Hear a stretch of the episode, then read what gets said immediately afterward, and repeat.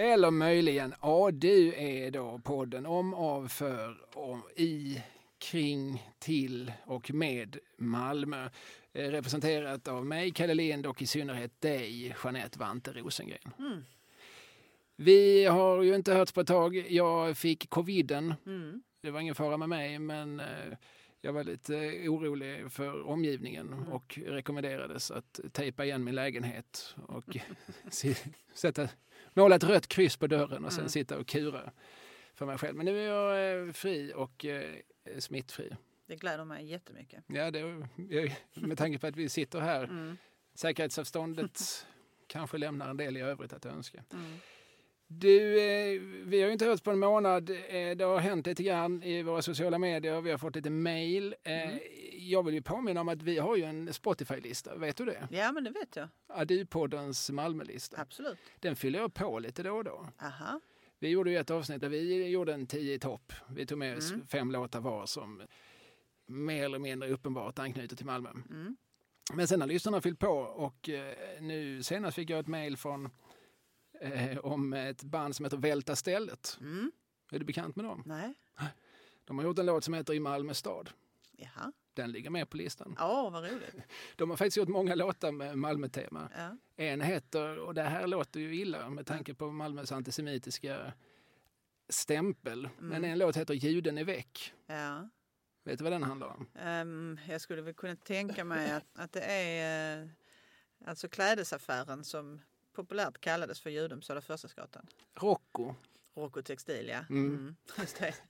som först låg på hörnet av, eh, vad blir det då, Smedjegatan och Södra Förstadsgatan där det idag är någon sån här Jerusalem kebab eller? Heter nog faktiskt så faktiskt ja. Mm. Så, Det passar ju. ja, Och sen så flyttade jag över där liksom lite längre bort ja. Mm. ja, precis. Mm. Det är ju ganska vanligt att butiker förr i tiden kallades för juden. Mm. Jag tror att det är ganska vanligt att de också kallas, har kallats för turken eller araben. Ja. Araben på hörnet. Och ja, så. det. Det låter kanske illa, men jag tror det är väldigt sällan illa ment. Nej, och jag tänker att just i Malmö så var det ju många också judar som hade eh, textil och beklädnadsaffärer. Berman och så vidare. Mm. Ja, jag råkar veta att det var likadant i Eslöv på 50-60-talet. Ja, ja. Mm. Där fanns också något eh, lokalt varuhus som i folkmun gick under benämningen Juden. ja. Det var väl lättare att säga. Alltså olika judiska namn låg, Ja. låg illa i Eslövsmunnen. ja. ja. Eh, Men Välta stället i alla fall kan rekommenderas. Det är eh, sådär lite, lite slashasrock, lite i, skulle jag säga, Carl Pedals anda. Påminner om ett annat band som, vi, eller som jag tog upp då som heter Bäddat för trubbel. Ja. Som också spelar en sorts eh, slängig, klassisk rock'n'roll. Raka rör och öppna spel. ja, jag förstår precis det. Ja. ja, det får man ju lyssna på. Det är, den finns som sagt på vår Spotify-lista. Ja. Det som var en annan sak som jag bara, jag var ute och gick eh, häromdagen när jag liksom kom ut ur den här karantänen. Mm. Och så gick jag ut på Malmös gator och sen så inom loppet av tre minuter så såg jag mina två favorit Malmö original. Ja. Vi borde vid tillfälle göra en podd om liksom, historiska original, personligheter, excentriker. Det tycker jag är en jättebra idé. För det ingår ju mycket i, som i varje stads mytologi. Sådär. Men eh, Tage Tosa och sådär har vi kanske nämnt som hastigast tidigare. mm. Men vet du vilka två jag såg? Vilka dina två favoritoriginal är i Malmö? Först såg jag Damen i rött. Ja, Ja. det såg jag senast igår. Ja, Ja, vid Triangeln. Och sen så såg jag Cykelmannen med radion. Ja, han såg, också, han såg jag också igår. Ja. Han, eh, ja, han är väl härlig. Ja, Man blev så otroligt Ja. glad av de bägge. Det, det är ju lite så här med, med folk, det pratar nu om excentriker. Ja. Och eh, ganska ofta så har ju en viss sorts sådär excentriker som syns i stadsvimlet en lite tragisk är. Mm. Man får ibland liksom en känsla av att eh, psykiatrin inte har gjort sitt jobb ordentligt. Eller Ja. sådär. Men de här två är så fina för de sprider båda glädje och jag upplever verkligen att det är deras ambition att göra det. Mm. Alltså damen i rött, det är alltså en äldre dam som är jag vågar inte uttala mig om trosorna, men i övrigt är allting rött på henne. Absolut, från hatt till, från fotabjälle till gässan kan man säga. Ja, inkluderat glasögon, Ja. skalm Ja. etc. Ja. Och mannen på cykeln, han spelar ju glad musik när han kommer med paraplyet fastspänt på cykelstyret. Och så spelar han liksom olika upptempolåtar, mycket 70-talsdisco. Ja, och kommer ihåg en kväll jag kom, jag hade varit på ett möte, jag kom ut på Södra Förstadsgatan, det var ingen annan där förutom jag. Alltså det var helt mörkt och det var på vintern. Och så gick jag där helt själv och så kommer mannen, han, mannen med cykeln då. Och så hör jag, och det här är ju betong runt om, det är precis den delen av Södra Förstadsgatan precis innan triangeln liksom. Så det är ju sådana betonghus där på ena sidan. Och så, så hör jag från hans bandspelare då det här liksom introt på Culture Clubs, Do you really wanna hurt me? Och jag bara slungades tillbaks till 1983. Det var han och jag och Boy George där och då. ja, de här två människorna, de, jag är så himla tacksam för deras existens. Jag hoppas att de mår lika bra som de gör mig. Jag är helt med dig. Ja. Det här var bara en liten ingress. Mm. Det har ingenting med det vi ska prata om att göra. Utan idag så var planen att vi skulle prata om Malmö i tv. Mm. Det är lite grann det uppdrag vi, vi har gett varandra. Mm. Vi har satt ihop varsin fem i topplista. Tillsammans blir det en tio topplista. Jag vill verkligen understryka att det, jag har liksom inte graderat efter kvalitet. Inte jag heller. Jag vet inte om jag graderat alls.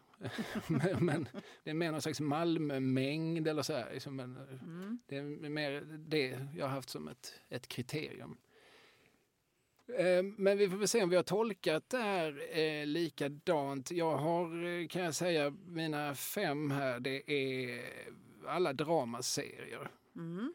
Eller någon kanske är, snarare skulle rubriceras som en komedi, men fortfarande är det, alltså fortfarande är det fiktion. Mm. Berättelser. Mm. Ja, men det är samma här. Mm. Om man hör ordet Malmö TV, mm. om man är så gammal som du eller jag, mm.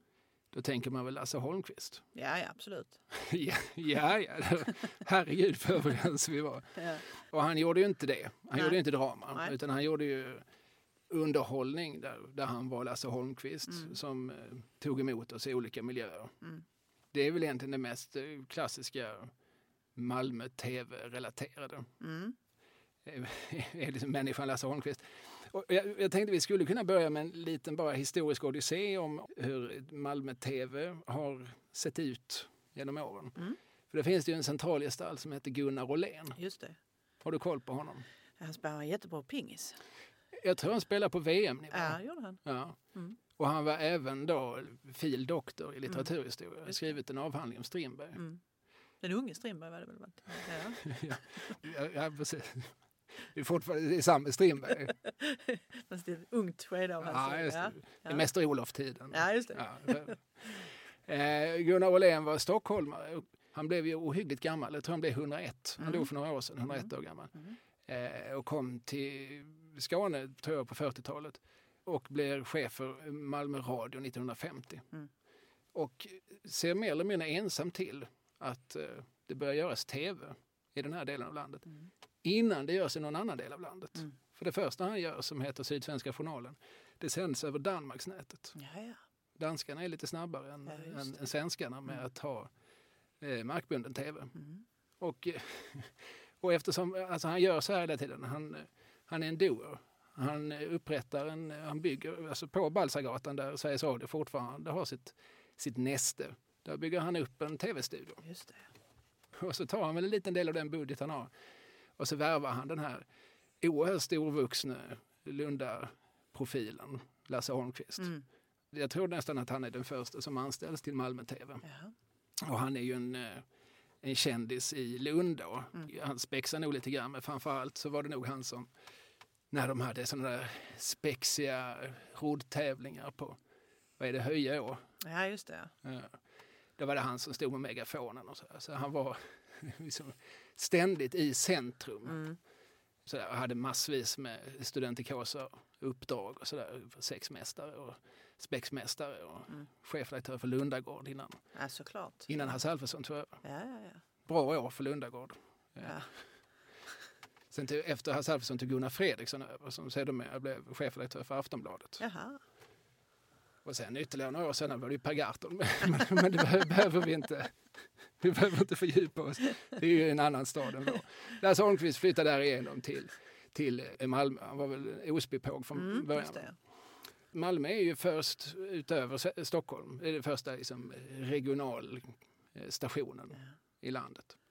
Och denna Gunnar Åhlén han sitter kvar som chef fram till 1979. Mm. Det är nästan 30 år som Mm. han basar över etermedierna i den här delen av landet och verkar ha varit en extremt dynamisk och eh, vad ska man säga, den här sortens chef som håller rent uppåt. Det står i alla eftermälen om honom att han var så himla bra på att hantera Stockholm. Kanske för att han själv var stockholmare. Mm. Mm.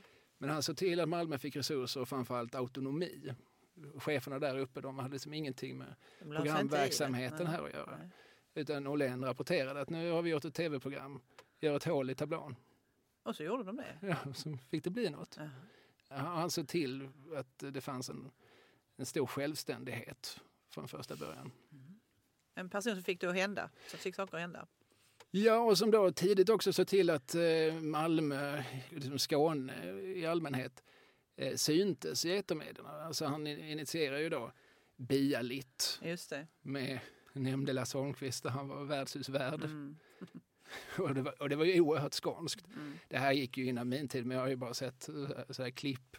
Men han står ju med förkläde och tar emot Mm. på värdshuset. Lite Edvard Persson-reinkarnation på något Ja, det sätt. får man väl verkligen säga. Det är mycket liksom gåsamiddag Mm. det är mycket. Sen blir det spillekaga. Ja. Nu ska någon sjunga hönsafötter och gula rötter och sen så efter det så njuter vi av en svartsoppa. ja, precis. Ja. Sen initierar han också Fråga Lund, Ja. Gunnar Åhlén alltså. Mm.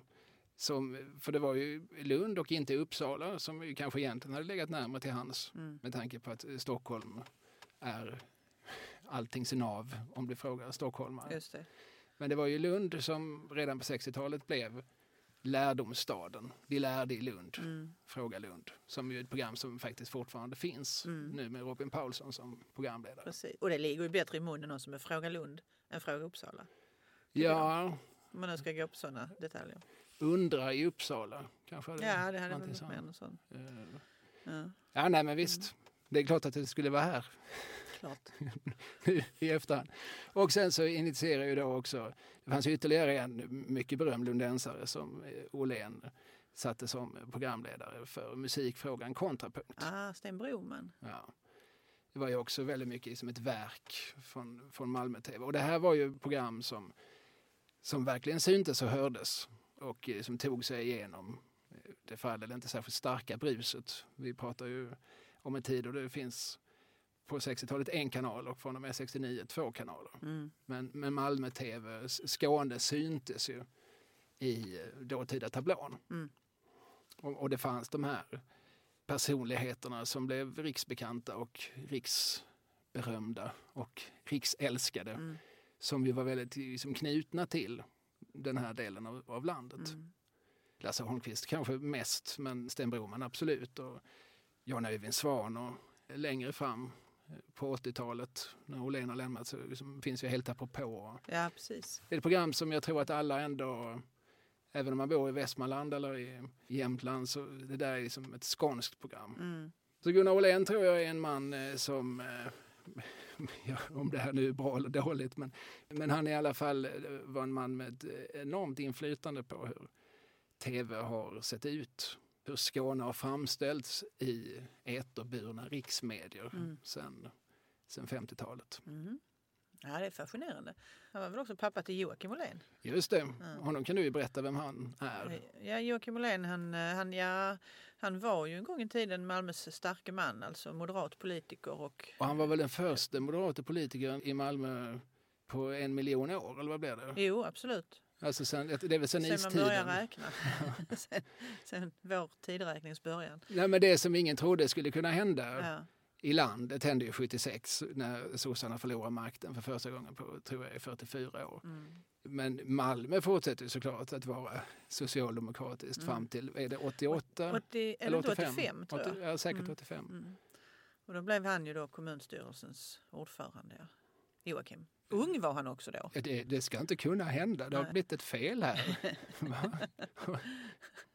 Nu har jag precis, fick jag precis just nu en minneslucka så han, jag har glömt vad han gör just nu men han gör ju något annat viktigt. Han syns ibland, det hörs i, i medierna. ja, det, kan Vet man, det får man googla. Ja, det får man googla. Men jag kan säga både Gunnar och Joakim har väl haft ett väldigt gott öga till amatörteater. Ja, just så.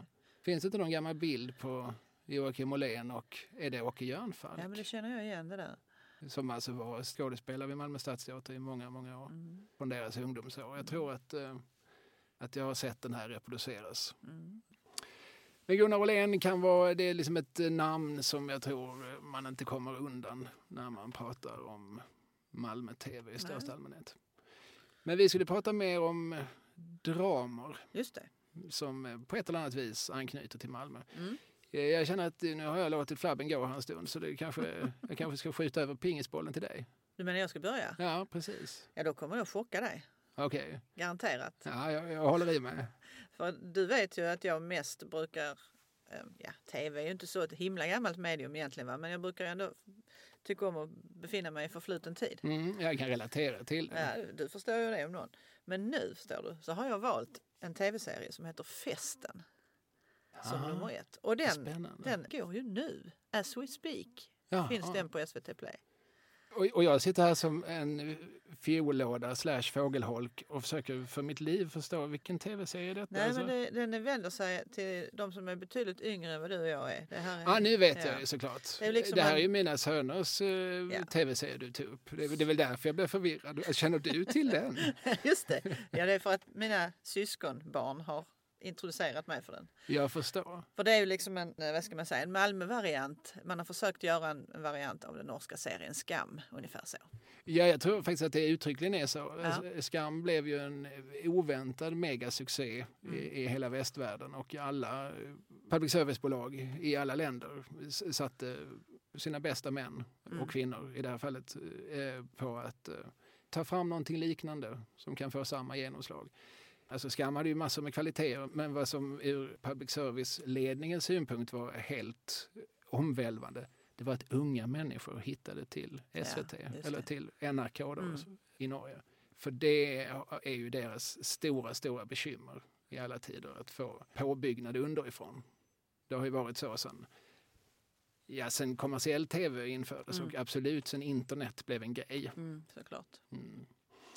Har du tittat mycket på festen? Ja, jag har tittat på allt som finns. Alltså det finns två säsonger som man kan se och den tredje håller på att spelas in. Och det här är gjort nu 2019, 2020 och så. Så det är ju rykande aktuellt får man lov att säga. Ja. Maria Karlsson Törnqvist Ja. tror jag är projektledare. Är hon också regissör? Stämmer. Också manusförfattare. Ja, Henne har jag samarbetat med. så där. eh, i en tv-serie som heter Skägget i brevlådan och som Jaha. var julkalender 2008 Jaha. Med Anders och Måns i huvudrollerna. Mm. Det var jag och Måns Nilsson som skrev manus. Mm. Så jag har bara, jag har bara gått att säga om Maria. Dessutom gjorde vi ett annat program som ingen minns som heter Vågmästarna. Mm. Som var ett frågesportprogram för barn Jaha. där barn mötte vuxna. Men det var inte som i, i Lasse Kronérs program eller numera Jossan Johanssons program. Där Nu är det jag som är fiollådan här alltså. Ja, nej, men vem vill, vem smartare än en femteklassare? Ah, den där. Ja, ja, ja. Mm. Ja, där får ju då eh, den vuxne hjälp av barnen. Mm. Men i vårt program Vågmästarna så tävlade vuxna mot barn. Mm, okej. Jag tror det var en vuxen som vann. Elisabeth Höglund var med och förlorade och var jättesur för det. Är det sant? Ja, hon, ja, hon tyckte det var justitiemord. Jag, jag som domare hade inte skött mig. Ja, det är bra. Det är helt Skönt. sant. Skönt att vissa saker bara är sådär. Mm. Så som man tänker att de ska Ja, vara. exakt. Ja. Mm. Men detta om Maria Karlsson Törnqvist, Mm. svärdotter till Ove. Törnqvist? Ja. Man lär sig så mycket av att vara med dig. Jag säger det Ja, varje viktiga gång. saker Ja. man säga. Ja, jag säger ju detsamma. Ja. Vi sitter ju här och delger varandra diverse kuriositeter. Eh, Sen finns det en figur som heter Don V. ja, just det. Han är en av dem. Det är ju sju karaktärer, Mm. sju huvudpersoner liksom, som vi följer i den här serien. Och det är ju också en West Side Story historia kan man säga. Med, Romeo och Julia, ja, Ronja och allt det Beck. där. Precis, ja. Och precis som du säger, Don V, eh, rapparen, han heter egentligen Karl Håkansson då. Mm. Men, Jag eh, förstår varför han tog ett artistnamn. men i serien här heter han Tony. Tony är gangster. Ja, Mm. jag förstår det. Det finns en gangster också. Det Mm. finns liksom en av varje kan man säga. Det finns en kille som heter Asim. Han bor på Rosengård. Eh, hans flickvän heter Zafira med Z. Hon bor i ett radhus på Bylov Hybes väg. Och Mm. detta tillhör min spaning här nu för att den här serien, den är ju liksom, där är ju många väldigt självklara Malmömiljöer. De är, hänger rätt mycket på ribban, det är tacksamt. De går över Möllevångstorget. Det är sånt där vi har sett det många gånger. Men sen är det vissa gator och vissa platser som man har eh, fått med i den här serien som, som jag tänker, den har man aldrig sett dyka upp tidigare. Till exempel just de här tvåvåningshusen på Bülow väg som är, du vet, vilken det, del av stan är vi? Nu är vi, eh, ja vad kan det heta då? Alltså är Ribersborg och så bort mot, mot Limhamn. Det heter ju såklart... Rosenvång? Ja, är det det? Eller Fridhem? Så inte säger fel. Inte Fridhem, inte så långt alltså. Ah, okay. Men eh, ja, det där borde jag ju naturligtvis det, Västra Malmö? Så är det ju. Så, Väldigt så, nära havet. Så, så, som man som gammal Möllanbo sa om, om, allt det som var bortom Södra Förstadsgatan. Ja, det är ju västra exakt, Men så är det ju. Ja. Men det är i alla fall de här eh, husen med, där är sådana sluttande fasader du vet som det är Jennik och Samuelsson, de som ritade Malmö stadion, arkitektparet. De har också ritat de här husen i Sorgenfri som ser nästan likadana ut fast de är lite högre. Vet du vad jag menar? Lite pastellfärgade balkonger. Så ljusblåa. Jag tror jag vet. Eh, jag ser det framför mig men, mm. men jag är inte hundra på var i stan vi är. Um, på Bülow Hybesväg då alltså? Ja. ja. Vem var Bülow Hybe? Ja det var ju Erik Bülow Hybe som var eh, stadsplaningenjör ja. eh, i många herrans år här i stan. Och ritade och planerade och ja, Friluftsstaden till exempel och Davidshall och ja, honom skulle vi också kunna prata om ja, men det är ju, framöver. Då gör vi det. Mm. Vi gör en liten notation om detta. Mm. Men där bor hon i alla fall. Ja, och det, ja, men det var, roligt att du tar upp det, för det är liksom lite grann det oskildrade Malmö. Just det. För jag har ju vänner som är just från västra Malmö mm. som är lite irriterade på att det alltid är antingen östra Malmö, mm. och vi, vi då tänker eller södra eller vad vi nu är, alltså men Möllevången. Ja. Möllevången och eh, miljonprogramsområdena. Ja. Det är alltid de som får representera Malmö. Eller om det då är bröderna Gerten och eh, om man tar ett 1900-tals historiskt perspektiv så är det då industri Malmö mm. som alltid blir presenterat. Det är det här som är Malmö. Mm. Det är liksom kokomiterna på Engelbrektsgatan med sina unika boxar på pakethållarna. Det är liksom vissa bilder som reproduceras. Ja. Medan eh, Ja, jag har specifikt en vän som är uppvuxen då i västra Malmö som kanske är den mesta Malmöpatriot jag känner. Mm. Eh, men som ju alltid har sett, där återkommer han ofta till att hans klass, han växte upp i, liksom i, i villa med pappa reklamare och, och vänner vars föräldrar skrev i Kvällsposten. De ser man aldrig. Man ser aldrig liksom det medelklass Malmö. Det är ju sant. Som en del av Malmö där de flesta röstade på Joakim Ollén. Eh, mm. redan innan han vann. Alltså mm. Redan mm. på 70-talet röstar man blått. Ja. Och de är också malmöiter. Absolut. Men de eh, räknas inte, de får aldrig vara med. Nej, de får aldrig vara med. Men här får de det faktiskt. Inte mm. bara en gång utan även, det kanske också ska säga då att det finns en annan adress i västra Malmö som är med i den här festen eh, vid ett flertal tillfällen och det är då Edvard Lindalsgatan 14B. Jag vet tyvärr inte alls vad vi är. Det här är alltså min mammas gata. Jag växer upp på Edvard Lindahls 12C innan Söderkulla då. Så att när jag såg det där huset, va? Jag hajade ju till direkt och så fick jag ju, du vet, man trycker på paus och ja. kollar så att... Du måste vara odräglig och titta på ja, TV. Ja, jag vet. så är det faktiskt. Men det här är också, det är Hästhagen, det är västra Malmö, så det är precis ja, ja. vid Kronprinsenkomplexet kan man mm. säga. Det ligger en av de här gatorna som är just då Edvard Lindahls mm. Där bor eh, en huvudkaraktär i den här festen och där står också Don V och väntar sen och ska utföra ett brott. Han jag är gangster. Ja, mm. som sagt, jag förstår att han är gangster. Han är gangster. Det var festen. Ja, men jag måste faktiskt ta en sak till här mm. innan vi lämnar festen. För att det är några saker som till exempel Styvergatan. Vet du var den ligger? Nej, men du vet ju. Ja, och det är så härligt. Jag behöver inte hålla reda på några adresser för jag har ju det. Den, den ligger i Stenkällan. Den ligger alltså mellan Husö och Höja någonstans. Det är ett villaområde. Ja, då är vi liksom Videdal, Riseberga. Ja, ja. Man kör någonsin... förbi gamla Ikea. Exakt, så är det. det är så man tar sig till den delen av stan. Ja. Valdemarsro ligger där. Precis. Inte alls långt ifrån. Och det har jag aldrig i mitt liv varit med om att Styvergatan tidigare har varit med i någon svensk film eller tv-serie. Ej heller biltvätten och macken på Sallerupsvägen som faktiskt har en bärande roll i den här serien. Jag råkar veta att Maria Karlsson Törnqvist bor i den delen av Malmö. Aha. Det kan vara så att hon, hon på, på, på, på, väg till sitt jobb på SVT som ju numera ligger nere vid Klaffbron Att hon har tänkt att där har vi ju någonting som inte har visats för men som ändå Mm. har någon sorts visuell kvalitet. Så kan det ju absolut vara. För jag har verkligen hajat till eftersom det var flera av de här miljöerna som var, ja, jag menar Malmöfestivalen, det är tacksamt att filma där. Det har vi sett många gånger och så.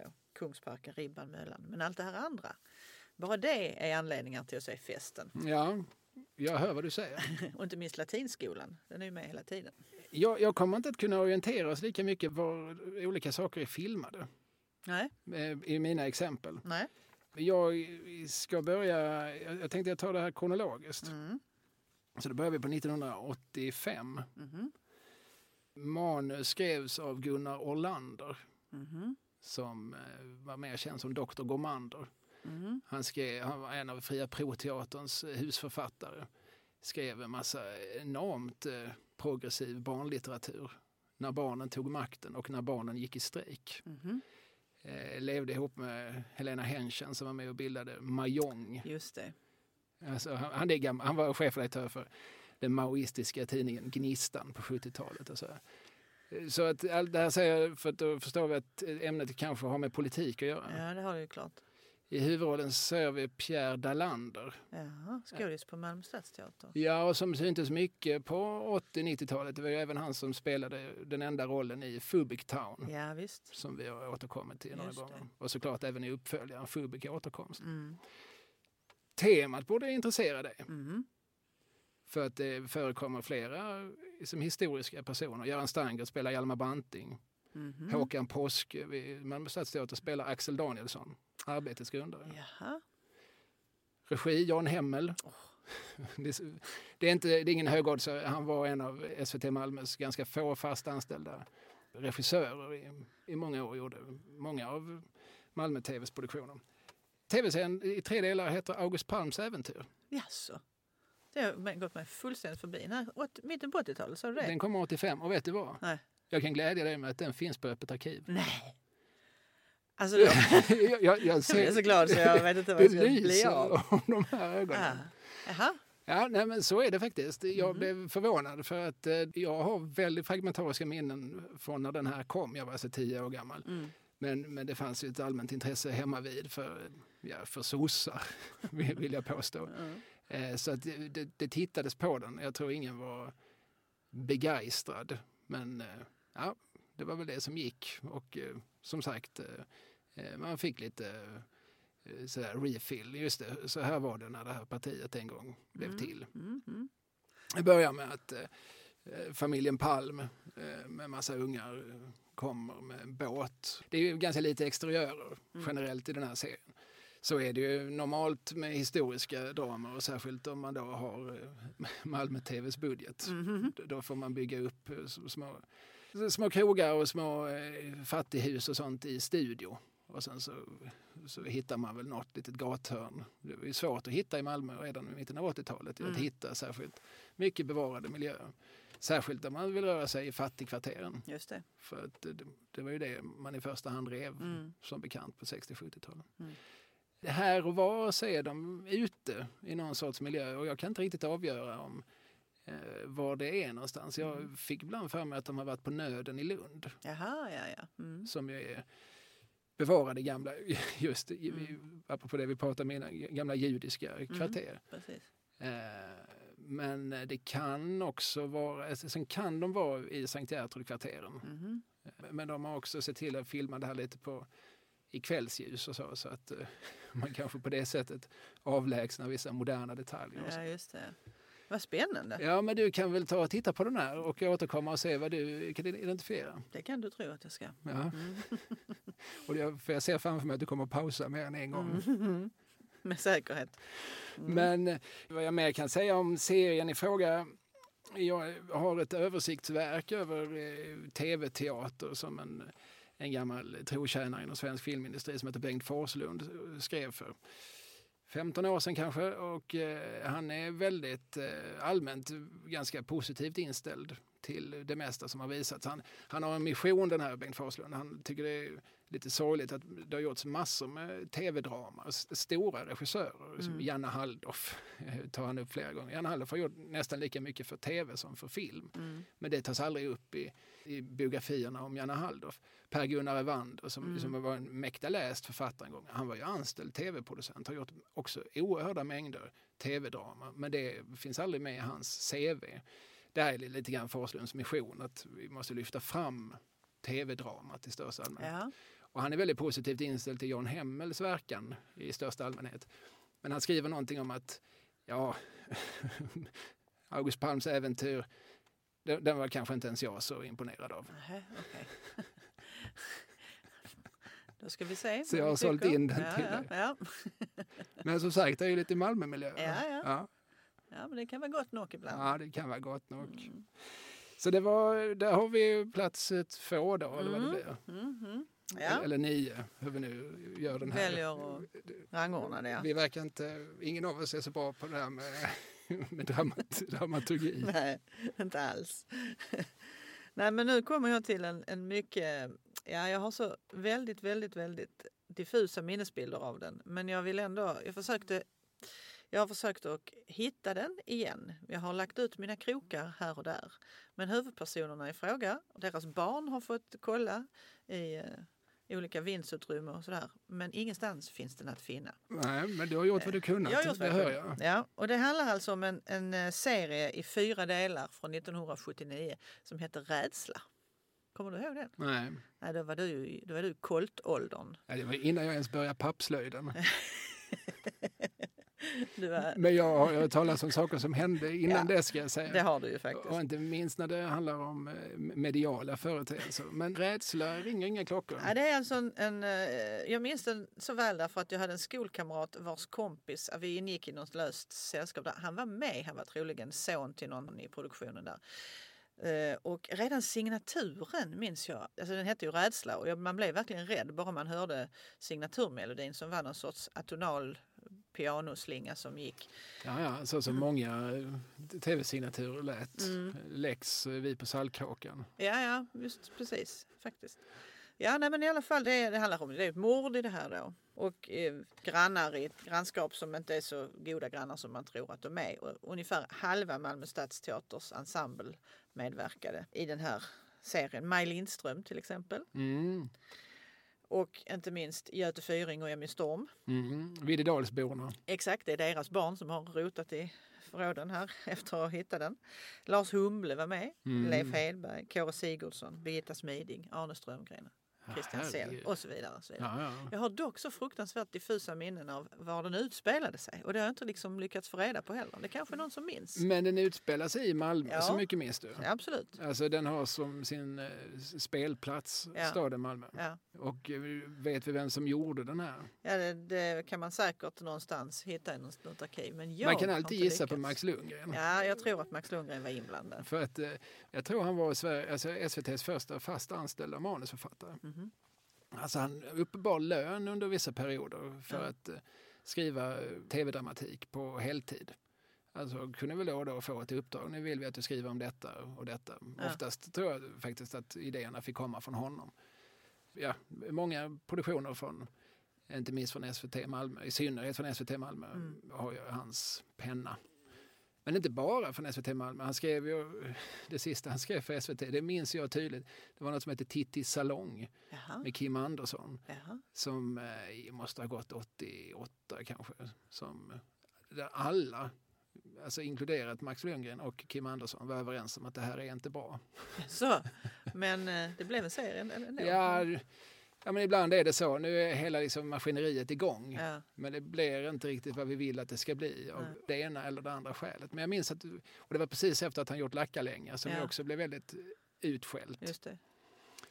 Och, som gjordes från Malmö, men som väl inte utspelar sig i Malmö Men alls. det var ju en folkhögskola. I, Ja, precis. men var den låg i verkligheten? Nej, jag är osäker på det och man har fått så många olika folkhögskolor utpekade. Mm. Jag tror att, jag- har hört någonstans att han inspirerades i alla fall av att hans dotter, som jag gissar då var Lotta Lundgren, som Mm. nu är på Drömmarnas hus, eh, att hon gick på Fridhem Mm. i Svalöv, samma folkhögskola som jag själv har gått. Mm.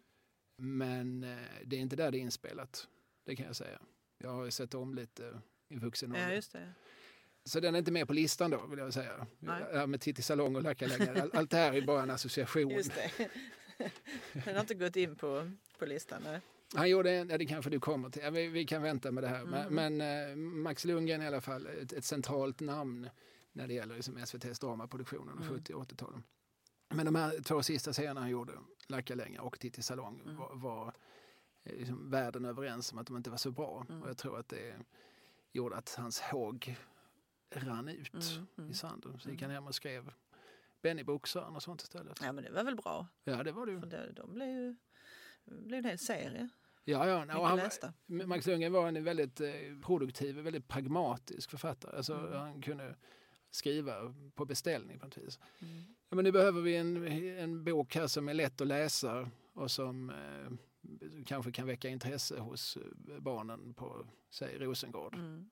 Ja, visst, så säger Max, då går jag hem och skriver en, eh, en bok om en boxare från Mm. Sirenelund. Ja, just det. Och eh, jag tror att han lyckades. Jag tror att den är väldigt läst. Absolut, den är det. Jag, I min forna karriär som, på bibliotek alltså, då eh, lästes den oerhört mycket. Framförallt av pojkar. Det var väl säkert det som var meningen också. Mm. Nå de grupperna som vanligtvis inte läste så mycket. Nej, och det, alltså när jag gick på mellanstadiet så minns jag det var ju som en allmän sanning att eh, när pojkar läser inte böcker men läser de något så är det Åsödens BK Mm. som ju också Max Lundgren skrev. Mm, precis. Och som vi kanske kommer att återkomma till, vad vet jag. Åh, jag hoppas. Ja, jag har inte, inte med den på listan. Men, ja, men nu eh, ska Ja. jag vara tyst så att vi inte förekommer. Har vi mer att säga om serien Rädsla? Inte särskilt mycket. Nej, då föreslår jag att ni som eventuellt minns något mejlar adupodd Gör med det. 2D snabel-a gmail.com. Eh, Jag börjar ju på någon sorts kronologisk eh, framställning. Då hoppar vi tre år fram i tiden från 85 till 88. Det är fortfarande Jan Hemmel Mm. som håller i, i kameran. Och det här det blir lite grann som rädsla. Jag minns inte hela den här serien. Eller jag minns, det är väldigt fragmentariskt. Mm. Eh, Men jag kan inte riktigt, eh, jag har inte, har inte liksom kommit över den. den. Den har legat på Öppet arkiv. Mm. Men Öppet arkiv det har med rättigheter och så att göra. De tar bort saker med en viss regelbundenhet. Ja, ja. Det ska jag också säga. Vill man se August Palms äventyr så ska man ju nog passa på att göra det nu för den kan vara borta imorgon. ja. Det gäller generellt för det Mm. som ligger på, på Öppet arkivtjänsten. Den här serien är en thriller. Mm. Eh, också med massa eh, Malmö stadsteaternamn. Håkon Pedersen Mhm. heter han va? ja. Dessutom är både Pia Gren och Karina Lidbom med. Jaha. Lidbom såg man ju mycket på 90-talet och eh, Pia Gren såg man mycket på 80-talet. Båda var med i Rederiet. Och eh, som var Lars Wäringer är med. Mhm. Och jag tror att Per Dalander var med även här. Mhm. Det är en thriller, den heter Kuriren. Ja, men det är någonting med de åren där. Då gjorde jag nog något annat än titta på tv. Ja, och jag ska ju då säga så här, nu måste jag liksom, det här är lite genant, men jag var ju alltså 13 år. Mm. Så det jag minns från den här serien, det är att Carina Lidbom klarar av sig naken. Jag visste det. Hon gör det, men det är en ganska spektakulär scen. Det Var det i först- Malmö? Ja, nej, men alltid i Malmö. Det är inspelat i Malmö. Mm. Jag, jag kommer till, till det här med, med exteriörer stra- strax, men det är en scen där hon, det är första gången hon träffar Håkon Pedersen, hette han Mm. va?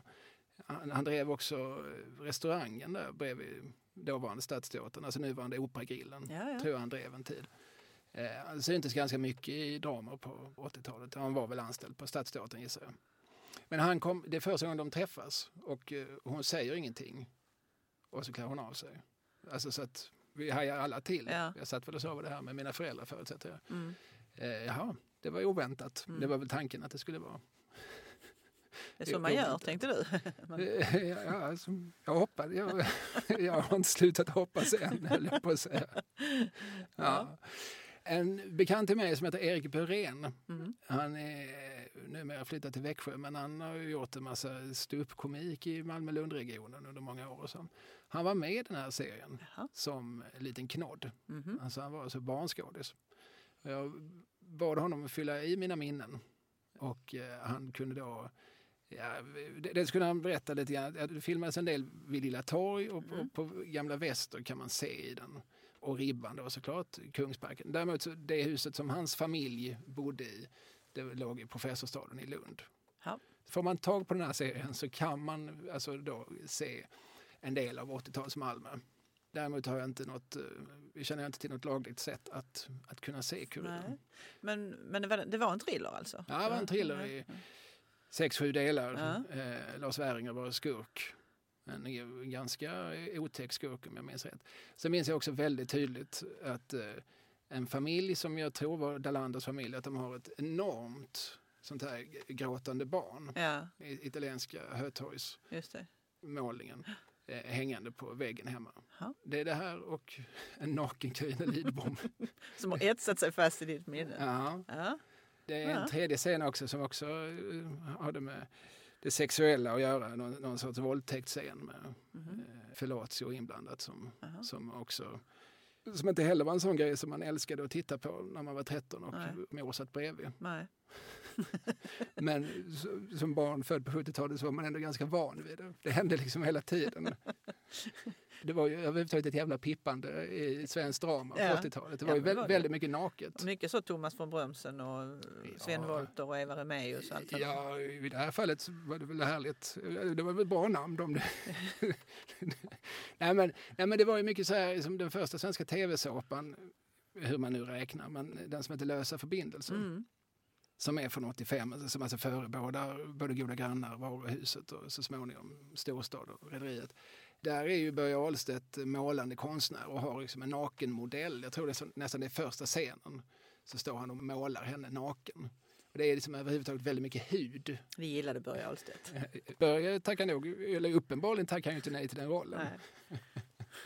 Men, men det var ju så generellt väldigt mycket för eh, Mm. svensk eh, tv-drama på 80-talet. Mm. att eh, betydligt mer naket än det är idag. Det, det tror jag inte att det är idag för att tittar man på en HBO-serie idag så är det inte, det är inte så att, att jag inte får se ett och annat samlag. Nej.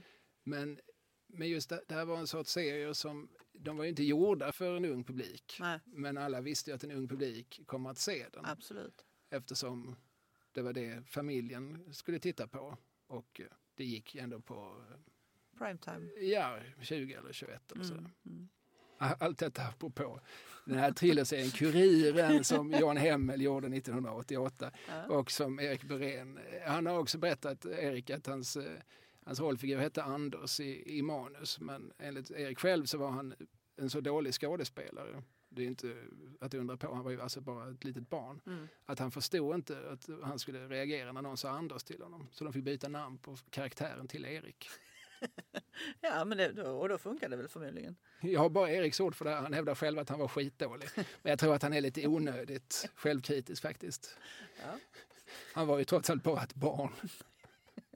Ja. Så spelar han dåligt så är det nästan Jan Hemmels Han var fel. inte utbildad skådespelare heller. Nej, det var han ju inte. Nej. Jag vet inte om man ska säga någonting om Jan Hemmel som ju var en, en återkommande figur i Mm. alla sorters produktioner från Malmö TV. Skånska mord och sådär också va? Eller? Som, den tänkte jag att vi kanske skulle komma till. Jag, jag har ju, min, min lista är lite slarvig, men vi kan ju komma in på Skånska mord. Den tänkte jag ha som bubblare egentligen, för Mm. att den handlar inte så mycket om Malmö. Nej. Det var fem ganska långa avsnitt, kanske på en och en halv timme eller så. Mm. Ernst-Hugo Järegård spelar huvudrollen i tre av dem. Mm. Minns du vilka? Uh, Esarpan Ja. och eh, kanske Bessingemordet. Nej, där var han inte med. var han inte med.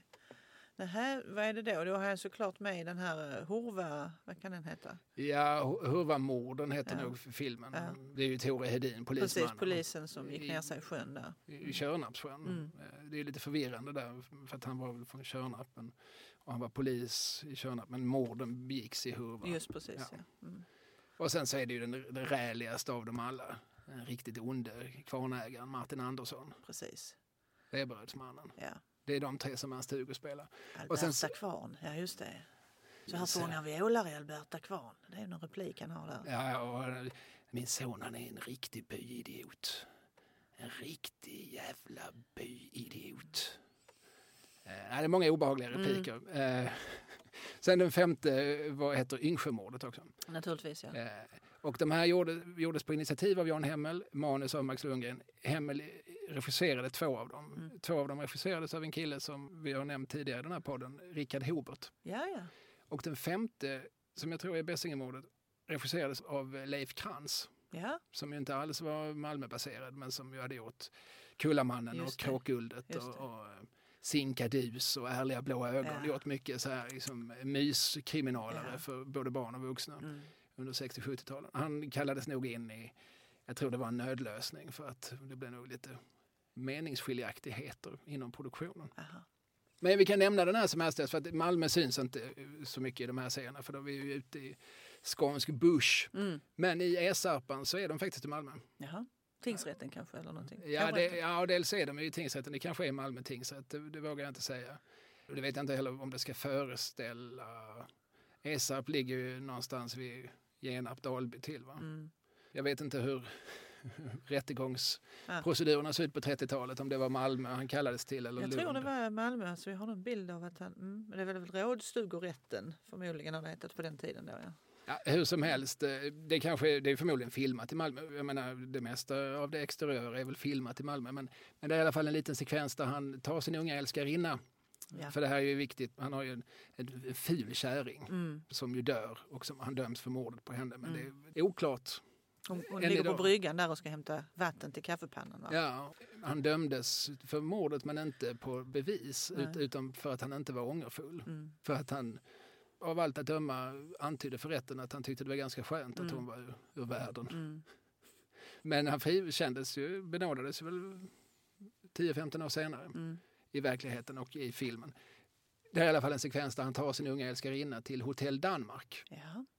Vet du var Hotell Danmark Till låg? Danmark.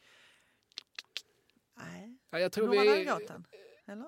ja, jag tror, jag tror till och med vi ska upp ett snäpp, alltså upp till Hamngatan. Ja, ja. Mm. Där någonstans Mm. eh, ska Hotell Danmark eh, ha legat. Mm. Alltså det var ju ett hotellkomplex, alltså vi har ju Savoy kvar Mm. fortfarande. Men, och, och eh, vad heter det då på, alltså tunneln. Mm. Det är väl fortfarande hotell. Alltså det är ju, Mayfair idag ja. Mm. Precis, och du har Duxiana. Och, alltså det är ju, De kvarteren är ju fortfarande hotelltäta, Absolut. men ännu mer så var det väl om vi går hundra år tillbaka i tiden. Och jag eh, satt och tittade på det här eh, och jag tror inte att det är filmat på, på Hamngatan. Nähä. Däremot så där är en skylt, man ser liksom Hotell Danmark, de går tydligt in Ja. i en hotellobby. Eh, Och så jag tror att antingen är det byggt i studio eller så skulle det också kunna vara någonstans runt eh, Sankt Gertrud för att få lite allmänt Feeling. gammal feeling. Mm. Mm. Ja, det här var ytterligare en av de associationer vi tillät oss. Mm. Det var alltså mannen Jan Hemmel Mm. som dels var initiativtagare till Skånska mord och dels regisserade. Inte Esarpan, för det gjorde Richard Hobert. Men eh, och, och, också den här Kuriren och också nämnda Mäster Palms äventyr och en herrans massa annat. Han, han är en av de tidiga alltså, som Gunnar Åhlén rekryterar redan, vågar jag gissa, kanske 1960 eller 61. Gör ju han Per Olin och Åke Arenhill gör animationer Mm. för SVT redan 62-63. Mm. Och eh, han var också med i redaktionen för Rekordmagasinet med Ja, ja. Jan Guillou, Mm. Kristoffer Barnekow och Ebbe Gilbe med flera. Mm. Harald Treutiger var också med ett tag. Jaha, det var han ja. Och, eh, och inte minst hans åtminstone dåvarande hustru Kikki Hultin var Jaha. ju, var ju en viktig nyckelperson tror jag på Rekordmagasinet. Mm. Vi kommer bort från ämnet. Ja, det gör man lätt. Ska vi ta din nästa punkt? Ja, alltså, och den, det är ju en serie som vi har nämnt här. Mm. Ja, kanske inte varje avsnitt, men rätt många. Men den är svår att undvika. Den är svår att undvika. Handlar det om en fastighetsskötare? Jag tänkte mig att jag skulle göra en ljudillustration. Mm. Bom, bom, bom, bom, bom, bom, bom, bom, bom, bom, bom, bom. Och så är det någon som ropar på hunden Kalle. Precis. Mm. Så det har du helt rätt i. Det är NP Möller vi pratar om. Ja. MP Möller fastighetsskötare Mm. var nog hela originaltiteln. Stämmer. Ja, nej, men den är ju såklart oundviklig. Jag satte den inom parentes för jag tänkte att ja, men den kommer väl Vante att ta upp men om inte, om inte så får vi väl ändå nämna den så folk inte tror att vi är dumma i huvudet. Nej men faktiskt, för det finns ju, även om vi har pratat om det så finns det ju så oerhört många, det var ändå 31 avsnitt man gjorde. Mm. Så att där är ju en hel del miljöer, Malmömiljöer som man kan lyfta fram i olika avsnitt som inte heller kanske har blivit skildrade så himla ofta. Jag upplever nästan när man ser MP Möller idag som en serie med en sorts eh, socialantropologiska ambitioner. Mm. Alltså det är nästan som att någon har suttit, eh, någon då, det vill säga manustrojkan, Åke Vilni, Jacques och reklamaren Frank Andersson. Mm. Att de har suttit och eh, gjort någon sorts lista. Okej, vad har vi för miljöer som representerar Malmö? Mm. För det är, de är ju verkligen, nu är vi på Malmö stadion. Mm. Nu är vi på Amaranten, kan det heta så? Ja, ja. Mm. Nu, och så är det ju mycket Möllevångstorget Mm. såklart. Och så. Det, alltså man får nästan det intrycket. Jag undrar om de inte åker färjan också? Danmarksfärjan. Det gör de ju någon gång, absolut. Och är på, är det backen eller tivoli minns jag inte nu. Men mm. de är och roar sig såklart. Ja, precis. Ja, men, så det är som om man skulle liksom bocka av, vi, visa Mm. upp staden Malmö med alla dess facetter, så att Mm. säga. Ur ett 70-talsperspektiv. Och därför är det ju oerhört intressant att titta på idag, även om man eh, av någon anledning inte skulle engagera sig i, i berättelsen. Mm. Vilket jag tycker man ganska lätt gör. Ja, absolut. Karaktärerna är ju fantastiskt utmejslade. Mm. Det var det några spaningar jag gjorde här nu. Då är det till exempel ett avsnitt där man nästan hela avsnittet utspelar sig på Lundavägens koloniområde. Jaha. Det är väl du rätt så bekant med? Det är faktiskt min, jag brukar säga min fru har en koloni där. Ja. Jag, jag, jag, jag är visserligen delägare men jag vill gärna distansera mig från den så att jag inte får något ansvar för äpplena. Det, initiativet är inte mitt. Jag tycker det är väldigt trevligt att den finns men men det är liksom inte mitt projekt. Nej. Jag kan inte ta, ta åt mig varken äran eller skammen. Men det är det som ligger mitt emot Cirkel K ja, precis. och, och, och McDonalds. Ja. ja, precis. Ja, Jag tänkte jag raljera kring att du hade med såna vita skrivarfingrar och inte hade mylan under naglarna. ja, liksom. kom igen, raljera. Ja, ja, ja. Ja, det, Nej, allt, men- allt det här stämmer. Jag har faktiskt en valk. Har du sett det? Ja, En va? antydan till valk. ja. Jag vet inte vad jag har gjort. Nej, jag, jag vågar inte gissa Nej, nej, nej, precis. på något som helst sätt. Nej, men i alla fall på Lundavägens koloniområde, där har um, Ture Björk kolonilott. Mhm. Ture Björk är postiljon. Han är ju spelas av Arne Källerud som ju var en av huvudkaraktärerna i till exempel i Söderkåkar som Mm. många minns. Han gör också överste Hattis röst i Djungelboken. Ja, det gör han ju faktiskt. Arne Källerud, han pratar lite sådär skojsigt och glatt. Ja, precis. Han har absolut ingen skånsk anknytning. Nej. Tio grabbar. Han går i pension som postiljon och eh, berättar att nu ska han tillbringa livet med sin hustru på kolonin och odla och ha det bra. Och då säger Möller liksom så här, ja men då kan jag komma och hälsa på dig Ture. Och Ture han verkar inte så riktigt, riktigt begeistrad i tanken. Men Möller Nej. han är, står på sig så att han tar sig ut där med hunden Kalle och, och Arne Källeryd dyker upp. Och, alltså Ture Björk då. Och, Okej, ja, ja, du får väl komma in. Och så visar han, eh, han odlar ju sallad och sådär. Men frun vet du, hon sitter ju mest i en, eh, i en eh, hammock och ja, läser damtidningar och, och klagar på sin man som ändå är en hyvens kille vad man förstår. Sen går han in i sin lilla eh, bod där och tar fram en flaska. På den flaskan så är det en etikett där det står E E-L-J-G-G-H-D. Jag var tvungen att skriva upp det här för det var så många konsonanter i rad. Ja. Och vad står den här Och så är det akronymen liksom en för? dödskalle och så. Det ska vara gift. En liten jävel gör gott hela dagen. Ja, såklart. Det borde jag räknat ut. Ja, nej men ehm, Är det så att Ture Björk är lite svår på spriten Ja. eller har han bara liksom ett vanligt eh, hälsosamt intresse för att ta sig en jäkel då och då? jag tror det är det sistnämnda och jag tror att han är trött på frun där som, som tjatar om att eh, ja, hon, hon vill ju gärna vara lite finare än vad hon är och en pensionerad postiljon det är ju inte så mycket att skryta med egentligen. Men sen går ju storyn så här att de, med Möllers hjälp så odlar de den här salladen och så ställer han sig och säljer den på Möllevångstorget och det blir ju succé för den är ju obesprutad. Mm. Ja, Ett dagsaktuellt tema ja egentligen. faktiskt. Det får man ju säga.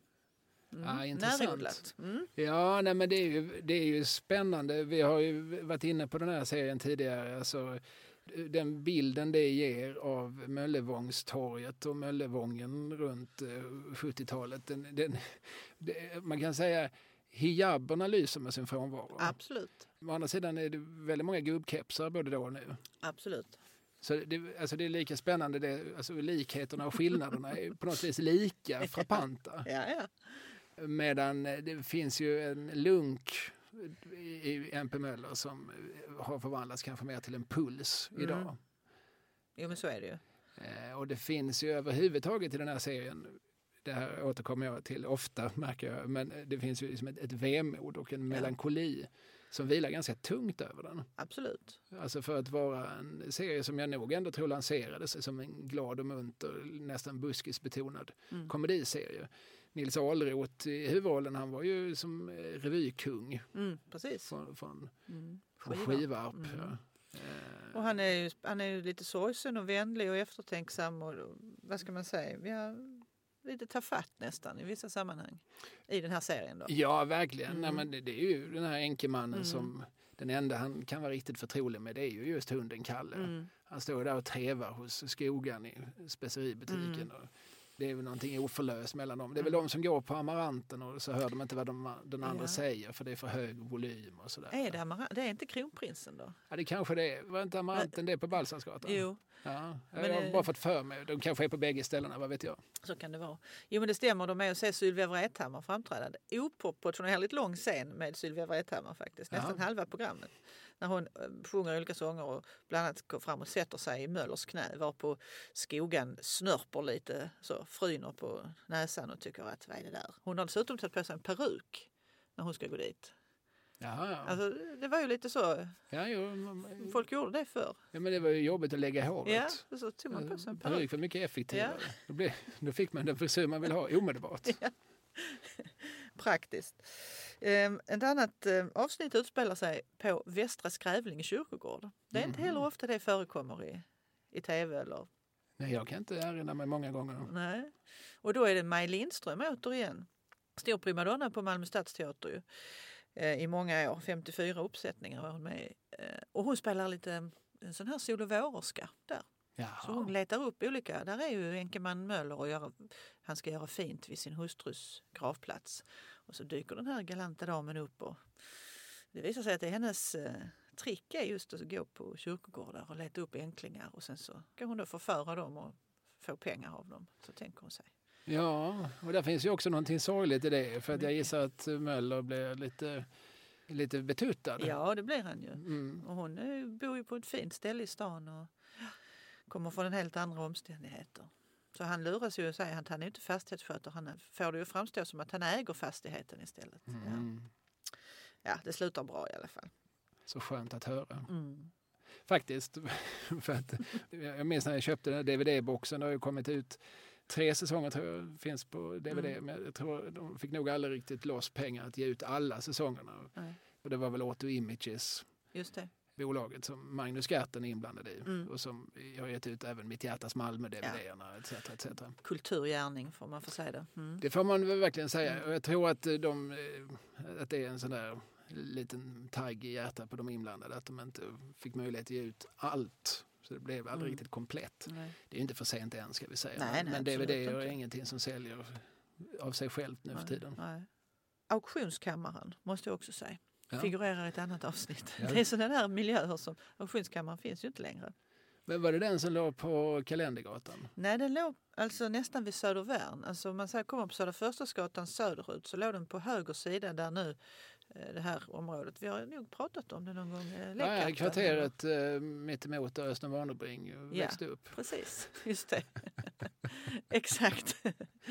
Där låg ju auktionskammaren. Ja. Eh, Som från början var, det var ju när spårvägen var hästdragen så hade man det som stallar där till hästspårvägen och sen blev den elektrifierad och blev det polisstation och sen blev det auktionskammare. Mm. Så, så det är någon sorts utsnitt Ja. över dåtidens Malmö i högsta grad. Mm. Och det gäller väl lite grann också i, liksom, i karaktärerna, figurerna. Och så här, man bockar av lite grann. Så här, då, återigen, som vi har nämnt tidigare, Jan Malmsjö i Mm. rollen som dansk dödaren. Det är klart Ja. vi måste ha med en gammal MFF-spelare är han väl? Ja, ja. Men, 12 säsonger i A-laget. 33 matcher i blågult. Stora grabbars märke. Ja, precis. 44 000 skrikande danskar på läktarna. Du vet, det är vid 90 minuten. Ja. Börje Hallberg. Ja. Ja, 3-2 till Sverige. Jag känner igen det. Det här är som en harang som han återkommer till varje gång han är full och det Ja. är han lite för ofta. Ja. Det, återigen, liksom, det finns en tragik Ja. över människorna. Det, det är väldigt mycket en känsla av att livet inte blev som det skulle. Precis. Som genomsyrar hela MP Möller. Och eh, där, jag vet inte om, om, om det är Malmö som färgar av sig på serien eller om det är tvärtom. Men Mm. det här har ju skapat lite grann min min personliga bild av Malmö innan jag flyttade hit. Alltså från och med att jag flyttade hit så blev Malmö en en glad och munter stad. Ja, ja. Men fram till det ögonblicket så har jag en bild av att det, att det alltid var liksom november. Tills Kalle kom. Ja. Liksom. Mm. Ja, men lite så. Mm. ja, och sen blev det bara sommar. Ja, ja, nu, nu för tiden så har ju ingen en tråkig dag i Malmö. Nej, nej. Vi kan nämna också att eh, han som regisserade han heter Håkan Ersgård. Mm.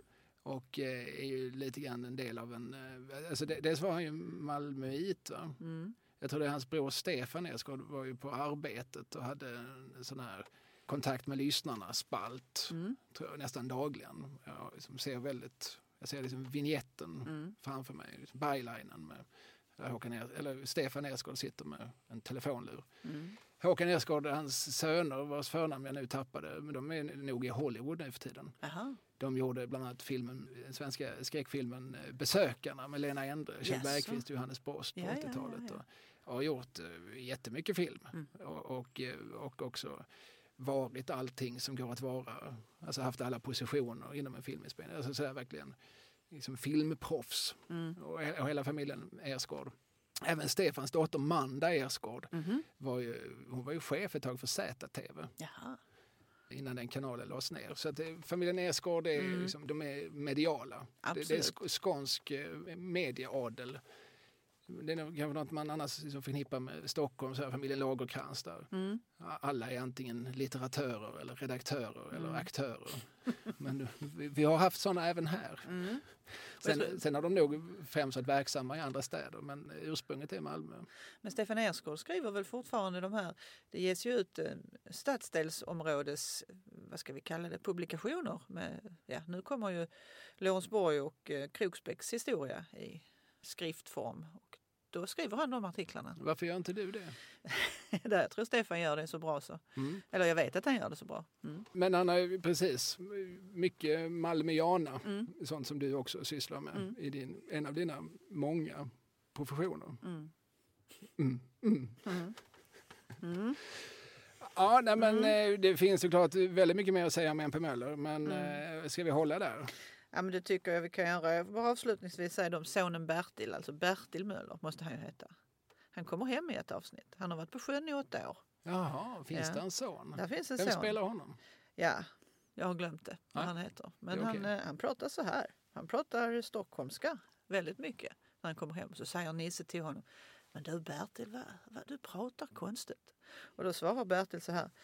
Ja men eh, det har blivit så för man talar ju så sällan svenska ombord.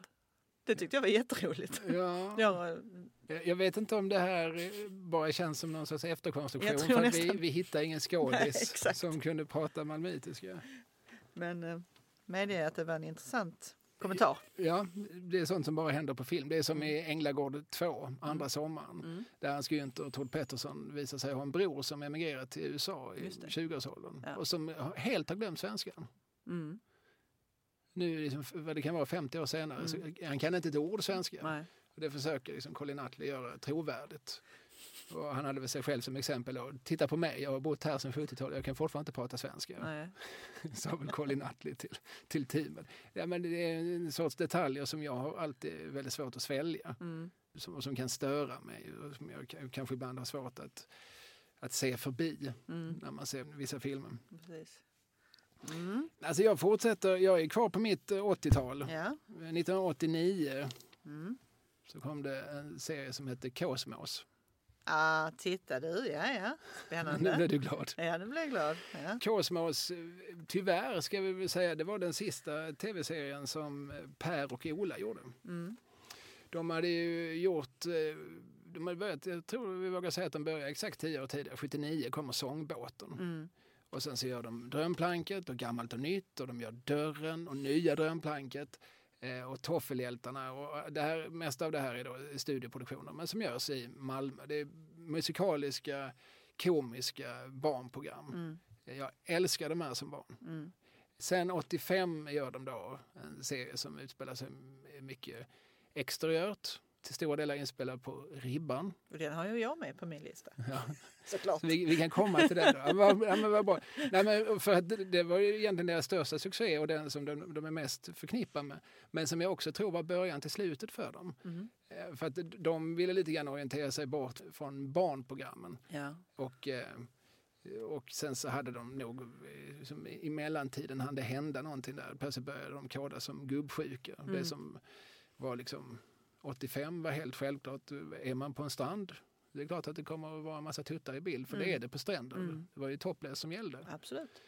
Men eh, jag, jag tror att, eh, att, de, att deras rykte solkades lite av den Mm. serien. Men de fick, alltså innan de lämnade SVT så gjorde, gör de 89 en serie som heter Kosmos. Mm. Som är en, eh, jag tror tyvärr inte att den var så himla himla bra. Men eh, jag minns att dels är den inspelad på det, som då hette Pildammsskolan Mm.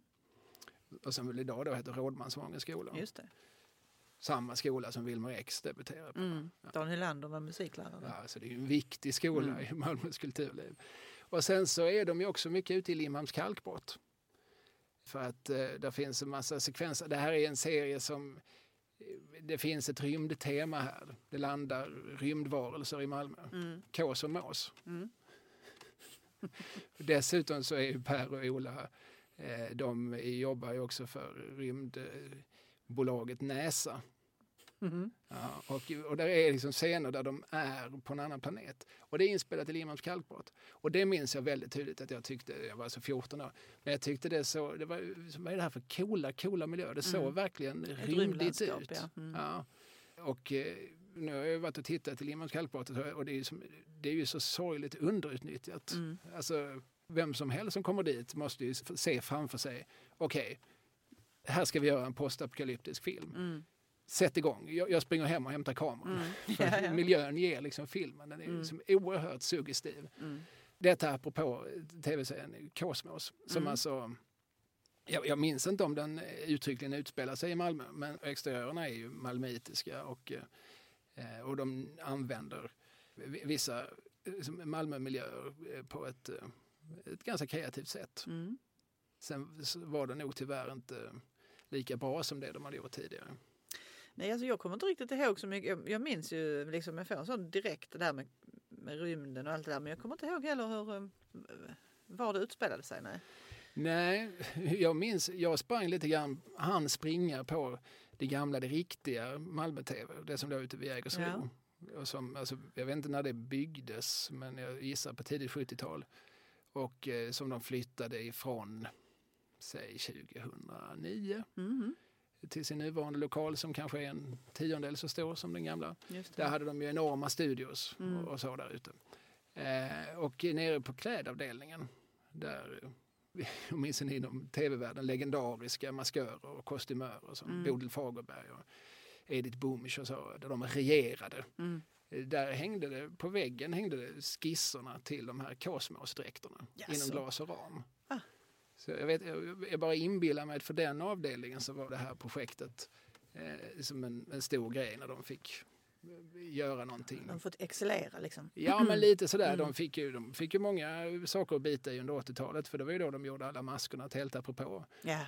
Det var ju mycket liksom att nu ska vi göra Allan Larsson och nu ska vi göra Birgitta Dahl och nu Ja. ska vi göra... Ja. Så det var ju mycket att lägga, de hade mycket att arbeta med på den tiden.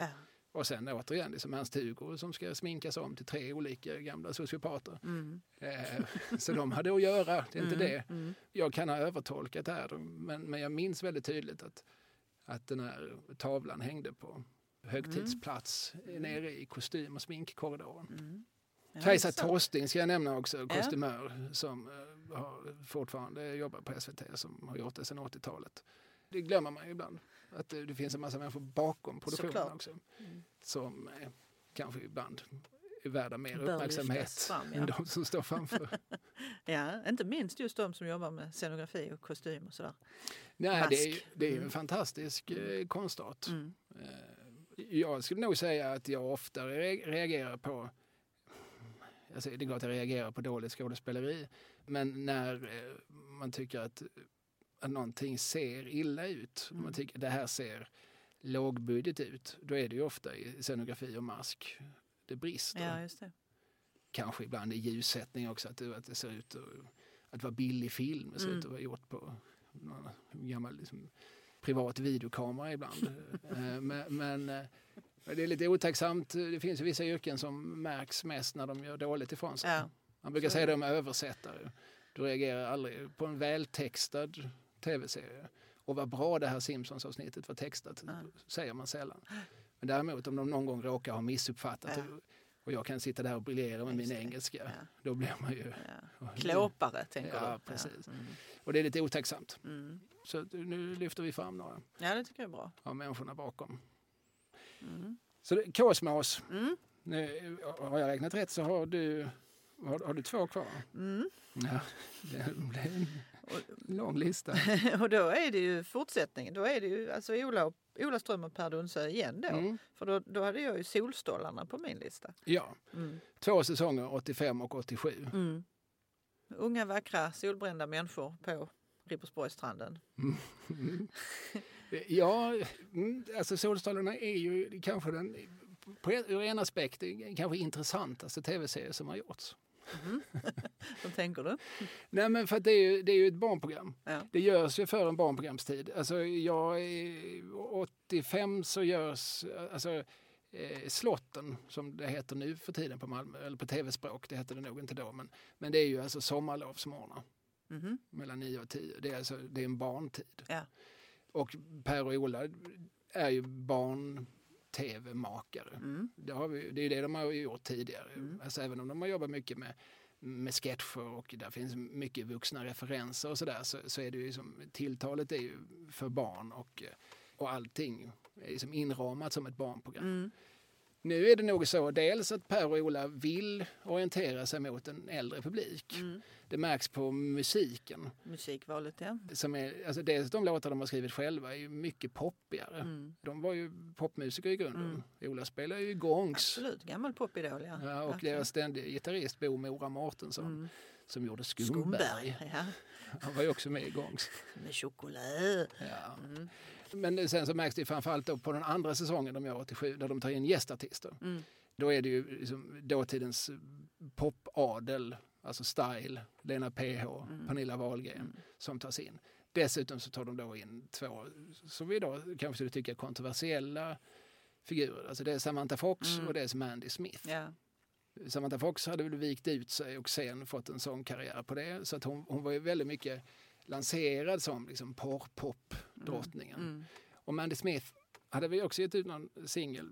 Hon var ju mest känd för att hon var ihop med Bill Wyman i Stones och han var väl... När hon var 13 och Han var, hon var 13 och han var väl äldre. mm.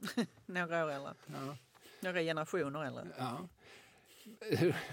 Och någonstans blev det liksom hennes claim to fame. Mm. Och, och på 80-talet så då fanns det ju den här tidningen Okej och sådär. Alltså det, det var ingenting som, som riktigt problematiserades. Eh, och Okej var ju också full av väldigt mycket liksom, porrreferenser på något vis. Och Mm. jättemånga pojkar i min generation och säkert flickor också. Eh, och hade ju liksom Samantha Fox, och, och Okej Samantha Fox utvik hängande på sina väggar. Mm. Och det var ju enligt Okej, så men det, hon är ju en popidol. Mm. Men hon har också, hon har också väldigt lite kläder på sig. Precis. Eh, så får man göra vad man vill med den bilden. Som vi sa som hastigast tidigare så var det också en tid om man gick på en, en strand i mitten av 80-talet så, så var ju en försvarlig del av kvinnorna var ju topplösa. Det var man ju. Alltså det var ju alla. Det var ju en, kanske en parentes i solhistorien, Mm. solbadshistorien. Men det var ju topless som gällde. Absolut. Och, eh, och olika saker som nog ingen reagerar så mycket på då. Men när man då tittar på det idag, om man skulle visa det för en ung människa idag eller någon som missade då. Och så säger man det här var ett barnprogram som gick 1987. Då skulle de tycka att det var lite konstigt. Ja, men det tror jag.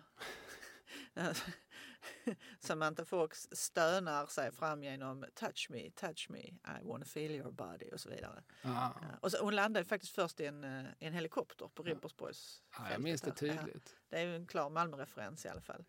Ja, nej men, och, och de, alltså, apropå Malmö, alltså, jag har ju alltid vetat att det var på Ribersborgsstranden. Jag vet inte om det sägs uttryckligen. Men, Man ser ju kallbadhuset eh, i bakgrunden där Ja, och jag vet inte om, om namnet Malmö någonsin nämns, men jo, fast det gör det ju. För att väldigt mycket av intrigen kretsar ju kring att Skumberg åker med sin lilla Ja. båt över till Köpenhamn, Ja. där han ju då smugglar. Smugglar. Och där gör ju Per och Ola också två danska bagardamer. Ja. Irmgard och vad de nu hette. Ja, och det är Kirsten- roligt att de istället för på gensyn säger på fjärrsyn. Fjärrsyn. Ja, det är vi. Ja, precis.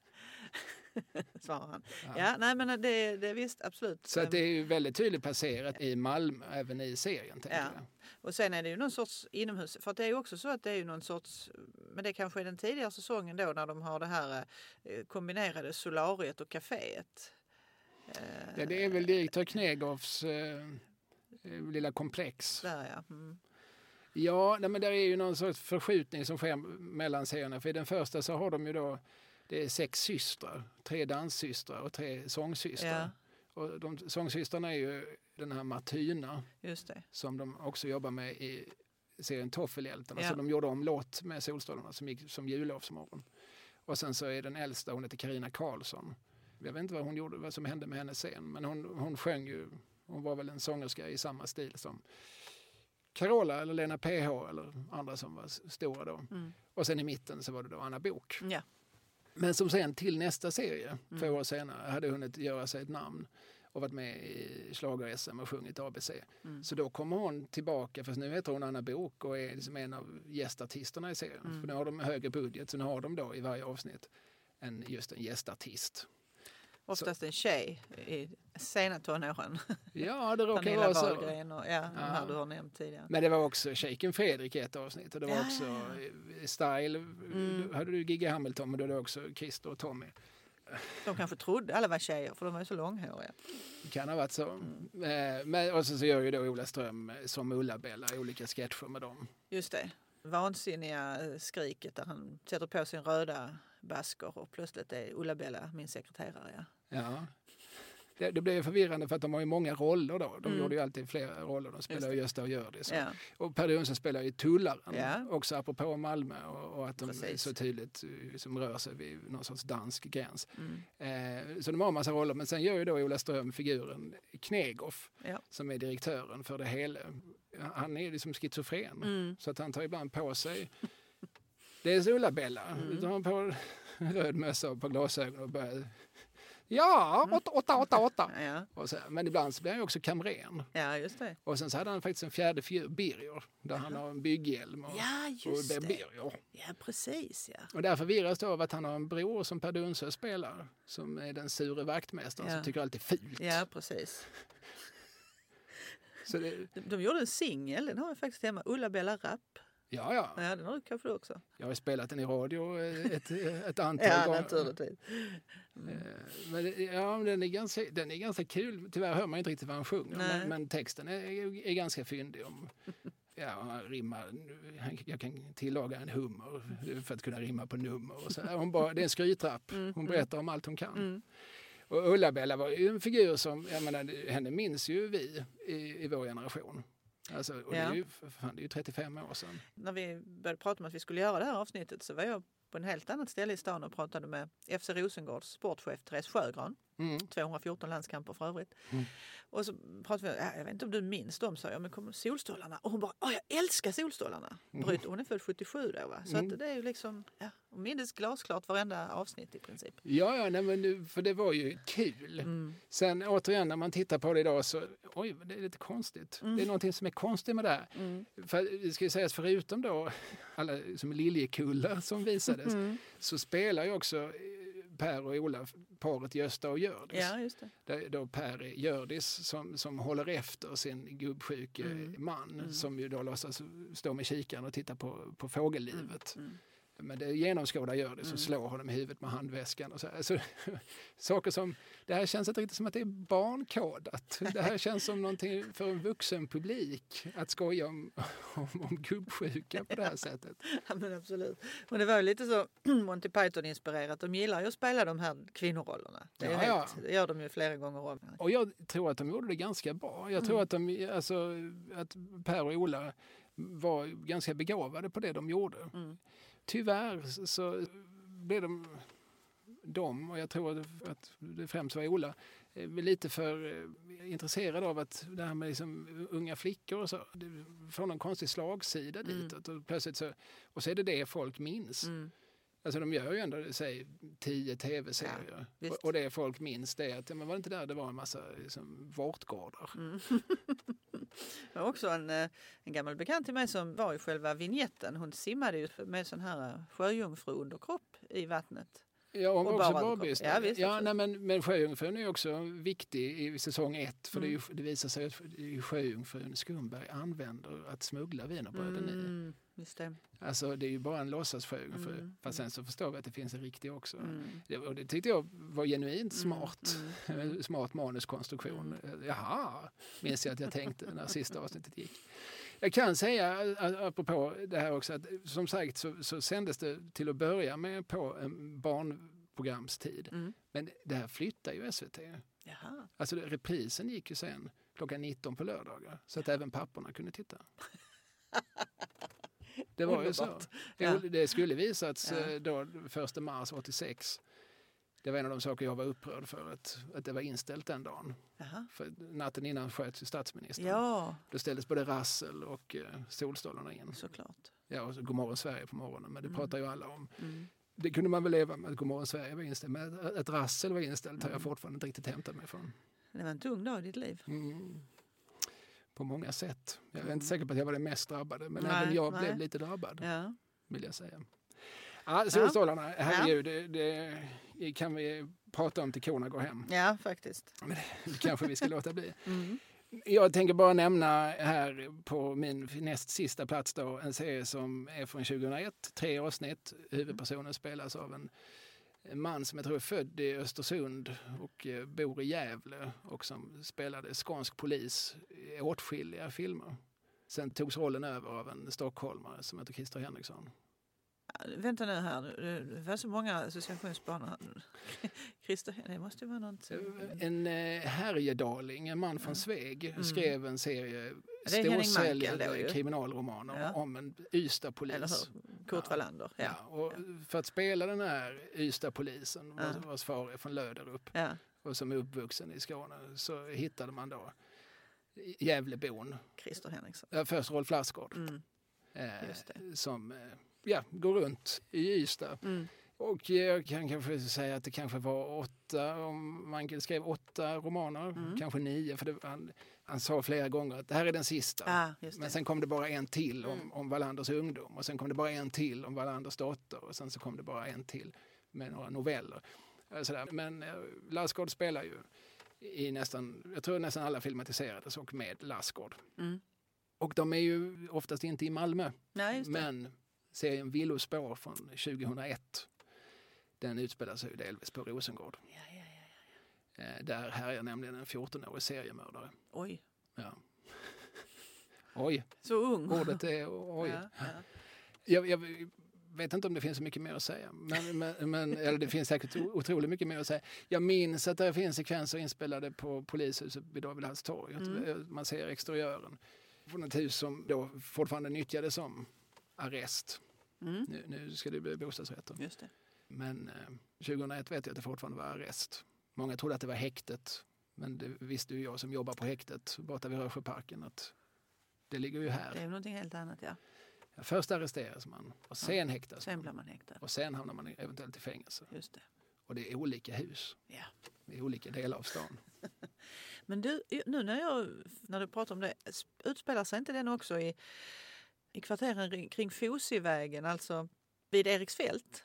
Ja, är, det inte, är det inte en del i Villospår som... eh, Eller har jag helt fel nu? Nej, du har säkert rätt. Eh, alltså, det är ju lite rörigt. Alltså, och det här med Wallander, alltså, vissa, när, när man började filmatisera dem, den Ja. första hette väl Mördare utan ansikte och sen så kommer Ja. Hundarna från Riga. Ja. Och, eh, sen är det Den vita lejoninnan och så. Då är det ju först långfilmer. Men jag tror att eh, SVT nog är medfinansiär. Men sen så någon gång från och med Villospår som kanske är den fjärde eller möjligtvis femte filmen. Det är en, som heter Mannen som log också. Som, Mm. Jag kommer inte ihåg vilken som är först. Men, men eh, då eh, så görs de som tv-serier. Mm. Jag tror att de görs både som tv-serier och i en bioversion. Det är ett sätt att eh, öka både eventuella intäkter och få med sig fler finansiärer. Genomslagskraften på det Ja. hela. Mm. Mm. Men jag minns inte, jag, jag vet att Villospår, redan romanen är liksom tydligt placerad. Eller mördaren bor och, verkar på Rosengård och hur Ystad-polisen Wallander trillar in i det, det minns inte jag Nej. i nuläget. Och jag tror att det var den som Leif Magnusson regisserade, alltså en regissör som faktiskt bor i Malmö Mm. och som, eh, ja, som kanske hade en lite mer naturlig känsla för, för staden. Just det. Och som kanske, för att jag, jag vill minnas att jag såg det med en viss skepsis för jag tyckte kanske inte att eh, filmatiseringarna de, de tidigare hade varit så bra. Men när, när den här kom att jag ändå tänkte att eh, men den här ser ändå lite ruff ut på ett, eh, på ett sätt som kändes modernt och Mm. internationellt. Jag tror att de höjde lite grann ambitionsnivån i och med den här Mm. villospår. Och att Rosengård såg, det var liksom filmat, det, det såg om Rosengård väldigt ofta i som i olika sådana här flygbilder ser lite deppigt ut. Mm. Det är ofta så man har valt att framställa det. Ja. Så ser det här lite, lite farligt ut Ja, ja.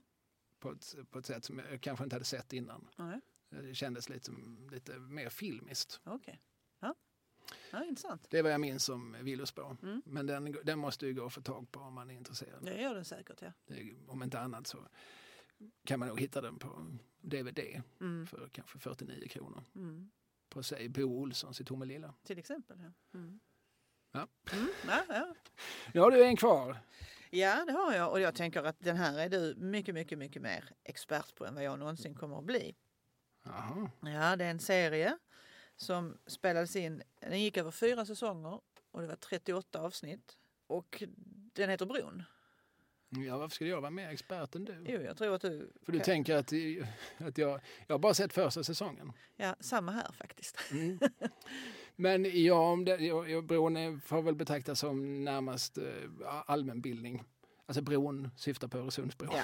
Det är folk med på. Ja, Och så handlar det om ett möte mellan en typisk dansk, han är, han är hygglig och han Mm. har eh, må- många barn och som har stark sexuell utstrålning Mm. och ligger runt. Och Ja. är, men är också god och glad och tar sig gärna en bajer och så. Ja. Och så är eh, svenskan är hon då autist. Ja. Väldigt så här fokuserad och eh, lever ensam. Och, ja, eller ja, hon- det är väl lite... It's complicated som man skriver på Facebook. Men, Ja. ja. Ja, Ja, hon är liksom lite fyrkantig där, Ja. så det anspelar ju lite grann på våra föreställningar om, om respektive folksjäl. ja. Jag kan berätta att en scen eh, spelades in på Kirseberg Jaha. i eh, den bostadsrättsförening som heter Fabriken. Ja. Där, jag Där du har bott? Ja, jag bodde i lägenheten bredvid. Mm. Eh, Min granne Benny Mårtensson som numera driver eh, ölkedjan som det har blivit Pivo. De ja. Två restauranger. Mm. Eh, en på Gamla Väster och en på Frisgatan. Mm. Eh, Han bodde där, eller det gör han nog fortfarande. Men där bor, jag tror det är mördaren som bor i hans lägenhet. Mm. Då fick du en liten kuriositet. Det är ju fantastiskt bra. Det görs ju bussresor i brons spår. Mm. Alltså, eh, kanske inte just detta coronaår men annars så finns det ju en guidad tur som kör runt och tittar på olika inspelningsplatser. Och, Ja, nej, men det är väl lite exteriörer. Eh, annars, så- sen vet jag också att den här danska familjen bor ju i Falsterbo tror jag. mm, Eller Ljunghusen, alltså någonstans i Mm. sydvästskåne hittade de ett hem som såg ut, var sådär arkitektritat och överdesignat liksom. som danskar gillar att bo. ja, Av, av någon, förmodligen ekonomisk anledning, så valde man att, att filma det där. Ja. Så att eh, det fuskas ju på film. ja, det är klart att det gör. Ja, det och, och Saga Norén som den kvinnliga polisen heter hon, hon bor ju i Västra hamnen. Mm. På en gata som heter Ankargatan nummer 9. Detta ser man alltså tydligt. Ja, det ser man tydligt. Men det som är absolut tydligast är ju själva polisstationen. Det är ju på Möllevången då, i, i Barkgatan. Eh, Den är liksom en en ganska intetsägande gata egentligen. Vi har väl pratat om det, det är väl Malmös skuggigaste gata. Är det det?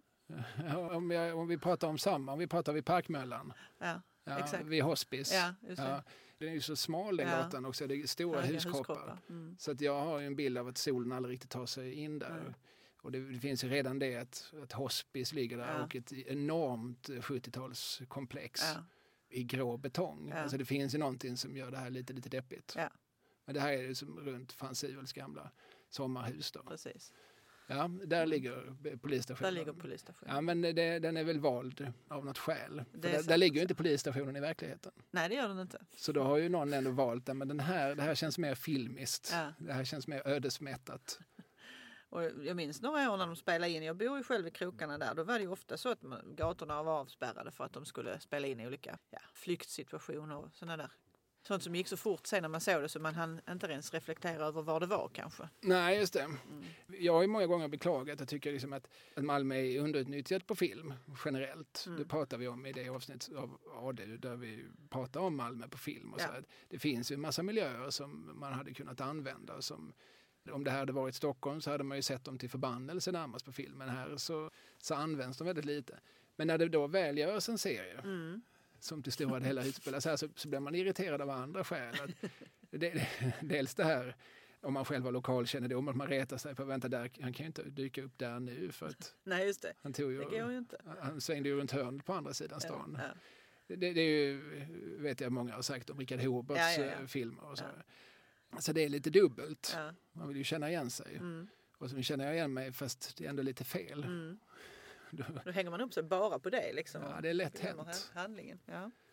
Ja, men det, blev, det var ju omåttligt populärt och det var Hans Rosenfeldt som skrev det här manuset har ju också skrivit sådana internationella som Marcella till exempel som man ju kan följa med tredje säsongen nu. Och, och vi kan också nämna att eh, även om han eh, var eh, som initiativtagare så är det också en kvinna som heter Camilla Ahlgren Mm. som har varit, jag tror nästan hon tog över huvudförfattarskapet för de sista säsongerna. Ja, ja. Hon bor nere i Svarte. Mm. Så då har vi ju en ännu tydligare skånsk koppling. Just det. Interiörscenerna spelades ju in i Ystad för övrigt. Att, eh, Ja just det, för att där byggde man ju i, i när liksom Wallander var som hetast försökte man ju bygga upp en liten, ett litet Hollywood Mm. runt eh, företaget Yellowbird och gjorde alla just de här Christer Henriksson-filmatiseringarna Mm. av Wallander som jag säger då originalmanus. Mm. Alltså har ingen litterär förlaga. Eh, Jag kan nämna på det också att det, i Pipen som det heter på Mm. nu svenska så finns ju en annan eh, polisserie som är inspelad och som nu är under post production Mm. och som är inspelad i Malmö som heter Just Den tunna blå linjen. Just det. Som det är kanske lite svårt att uttala sig så mycket om i nuläget Mm. eftersom den inte har visats för offentligheten än. Men jag känner lite folk som är inblandade. Mm. Jag tycker att jag hör tillförsikt Mm. när de pratar om det. Mm. Eh, jag river av här min eh, första plats Ja. 2010. Det är återigen så här, det är ju lite incestuöst för att det här, jag känner ju en massa folk av dem vi nämner. Mm. De här har jag redan nämnt att jag gjorde en, en tv-serie ihop med 2008, en Mm. julkalender Mm. där de spelar huvudrollerna. Mm. Men- Men då kan säga som jag inte är ett dugg inblandad i, men som de gjorde därefter, Anders och Måns, som heter Succéduon. Jaha. Kom 2010, tror jag. Mm. Gjorde i en genre som man brukar kalla mockumentär. Alltså Mm. man leker, eller realcom är också en, en ganska bra beteckning. Alltså nu är det så många svåra ord så nu får du förklara. Ja, men, eh, mockumentär betyder fake dokumentär kan man Mm. säga. Liksom, fiktiva filmer som, men som till formen är dokumentärer. Spinal Tap. Ja, ja. Det är, det är ett ganska vanligt. Mm. The Office. Just med- och sådär. Men sen realcom är liksom en genre som hänger ihop lite grann med det. Om du har sett Larry Davids Curb Your Enthusiasm. Har du sett en tv-serie som heter Seinfeld? ja, det har jag. Ja.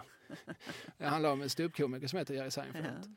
Ja. Och, eh, och han spelar ju då i någon mån sig själv. Mm. Den gjorde Jerry Seinfeld ihop med en, en man som heter Larry David. Mm. Larry David gjorde sen en tv-serie som heter Curb Your Enthusiasm. På Mm. svenska Simma lugnt Larry. Mhm.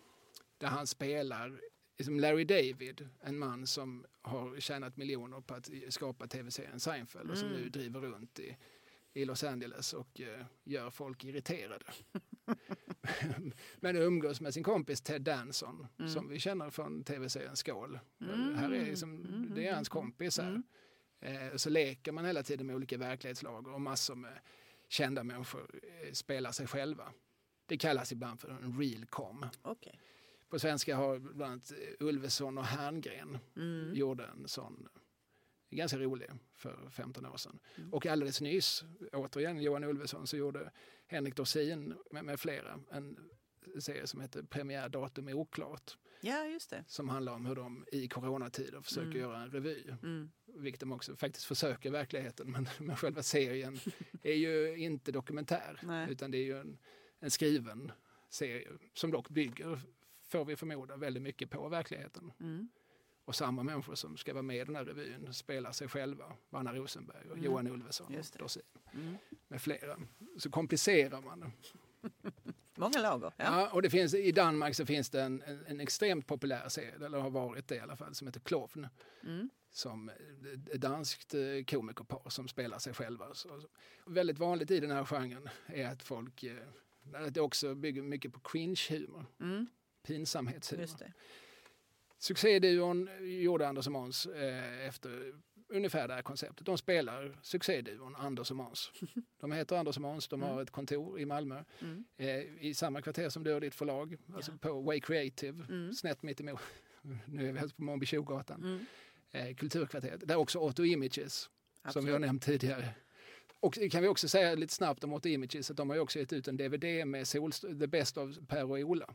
Har de det? Ja, så det finns faktiskt att titta på på det Mm. sättet. Eh, men det är ju ett, eh, restaurangen Grand ligger Mm. där också. Mm. Eh, där har Anders och Måns sitt kontor och sen så rör de sig väldigt mycket i Malmö. Mm, Måns lägenhet ligger i Rörsjöstaden på Kungsgatan heter väl den va? mm, mm. Den stora Ja, allégatan. visst. Eh, och, och vad som var befriande med den, jag, ser jag tyckte den var rolig, det var ju goda vänner till mig och jag kände igen, det blev ju alltid en extra dimension, eh, man känner igen alla människor som är med och, och sådär för all del. Men jag tyckte också det var välskrivet och eh, roliga situationer och sådär. Men en extra dimension var också att, att de faktiskt ansträngde sig att visa Malmö, inte som eh, den nedgångna industristaden, Nej, inte som den ruffiga miljonprogramstaden. Eh, inte heller som eh, det där lilla utsnittet eh, av det flärdfulla västra Malmö. Utan som en modern, relativt stor stad. Mm. Där solen skiner ibland Mm, och där regnet faller ibland. mm, Eh, men oftast eh, ser den ut som, som en stad och är ganska lockande. De sitter mycket på, eh, som i serien så har de något stamfik på David Halls torg. Man ser tydligt att det är på David Halls torg och man ser att det är ungefär så, mysigt slash så mycket bilar mm, på det torget som det är i verkligheten. mm. Och det vågar jag säga att det har jag inte sett så för många gånger. En, en serie som visar Malmö som en, vad ska jag säga, en neutral stad. Mm. Man lägger inga värderingar eller... Nej, alltså här kan man uppenbarligen Mm. jobba som ett uh, hyfsat framgångsrikt uh, komikerpar. Mm.